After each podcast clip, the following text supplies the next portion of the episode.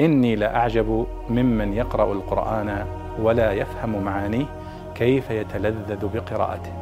كيف يتلذذ بقراءته. يقول الله سبحانه وتعالى واصفا حال الجيش الذي كان مع النبي صلى الله عليه وسلم في معركة بدر إذ يغشيكم النعاس أمنة منه وينزل عليكم من السماء ماء ليطهركم به. فما معنى أمنة منه؟ لما التقى الجيش آه، النبي صلى الله عليه وسلم ومن معه من الصحابة بالمشركين في معركة بدر أنزل الله على الجيش الإسلامي طمأنينة وسكينة وشيء من النعاس. هذا هو المقصود بالأمنة. الأمنة هي الطمأنينة والسكينة التي أنزلها الله في قلوب الجيش آه، المسلم في معركة بدر.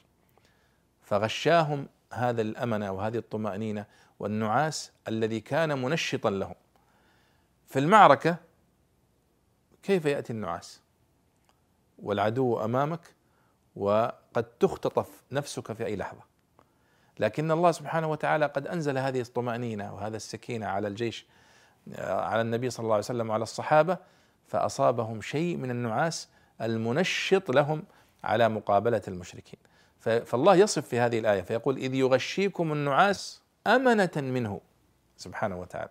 فلذلك النعاس في هذا الموقف هو من الله سبحانه وتعالى وهو طمأنينة وسكينة أنزلها الله في نفوس المؤمنين. لكن الذي ينعس في الصلاة مثلا أو ينعس وهو يقرأ القرآن فهذا من الشيطان وليس من الرحمن والله أعلم.